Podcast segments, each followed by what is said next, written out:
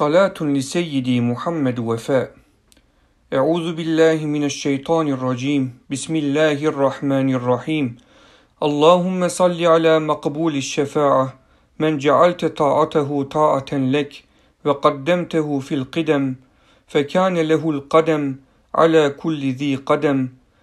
من عينته في التعيين الأول بالمقام الأكمل وخصصته بكمال النظام وجعلته لبنة التمام إمام جعم الأنس وخطيب حضرة القدس مظهر حقيقة الوجوب المنزه ومظهر أركان الجمال الأنزه محمد الخلال وأحمد الجلال وأسلم عليه سلام الخصوصية في حضرة الربوبية وأتوسل به إليك إلهي في البعد عن كل الله وأسألك في القرب إليك والاعتماد عليك.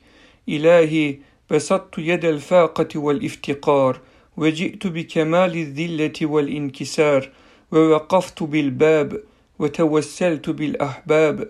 فأجب سؤالي ولا تخيب آمالي يا أرحم الراحمين يا ذا الجلال والإكرام.